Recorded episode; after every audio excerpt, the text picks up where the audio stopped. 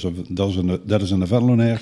en wij weten we, dat we tegenlenaren zijn. Ja, je bent nu 77. Maar dan zie je later aan zijn leeftijd en zijn geboortedatum, denk je, maar hij was toen wel pas 18. Dit is NL Rally Sport Podcast. Ja, en ik wilde toch wel winnen. Maar toen ging ik over het dak en toen eh, heeft het publiek de auto eh, rechtop gezet. Toen zijn we niet uitgestapt, niet uit de gordels geweest of niks. Gewoon weer starten, rijden, eh, toch nog tweede geworden. Henk Vossen. Het was ook zo'n verhaal. Ik had toen... Zijn verhaal.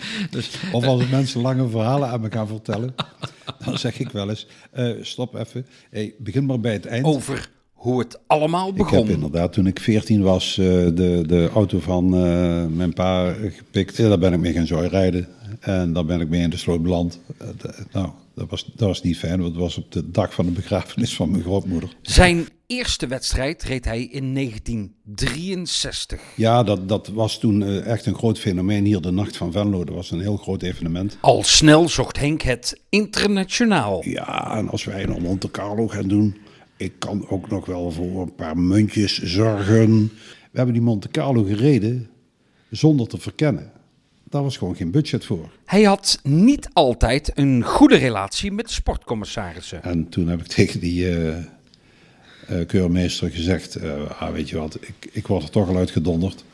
Schrijf die sper nou niet op, want dat is een beetje lullig, want die heb ik er zelf ingezet. En ja, en dat stabilisatorstangetje, ja, dat is ook fout. Maar daar word ik toch op gedisqualificeerd. Ik heb hier staan, maar er was wel iets heel bijzonders in de Hellendoorn rally.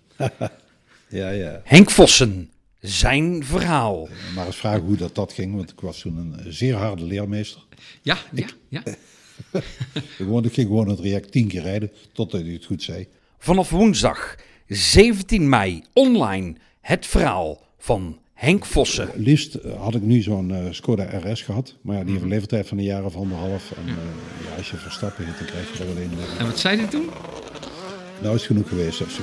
Ja, nu ben ik het zat. Ja, nu ben ik het zat. Ja, dat zei je dan een smiecht, zei hij. Ja, ja, we hadden allebei ingeschreven voor de eh, Duitsland Rally. En allebei de auto's die werden eigenlijk bij de keuring afgekeurd. Ja, dat, eh, dat- ja, daar heb ik wel over gedacht, maar nooit erg lang.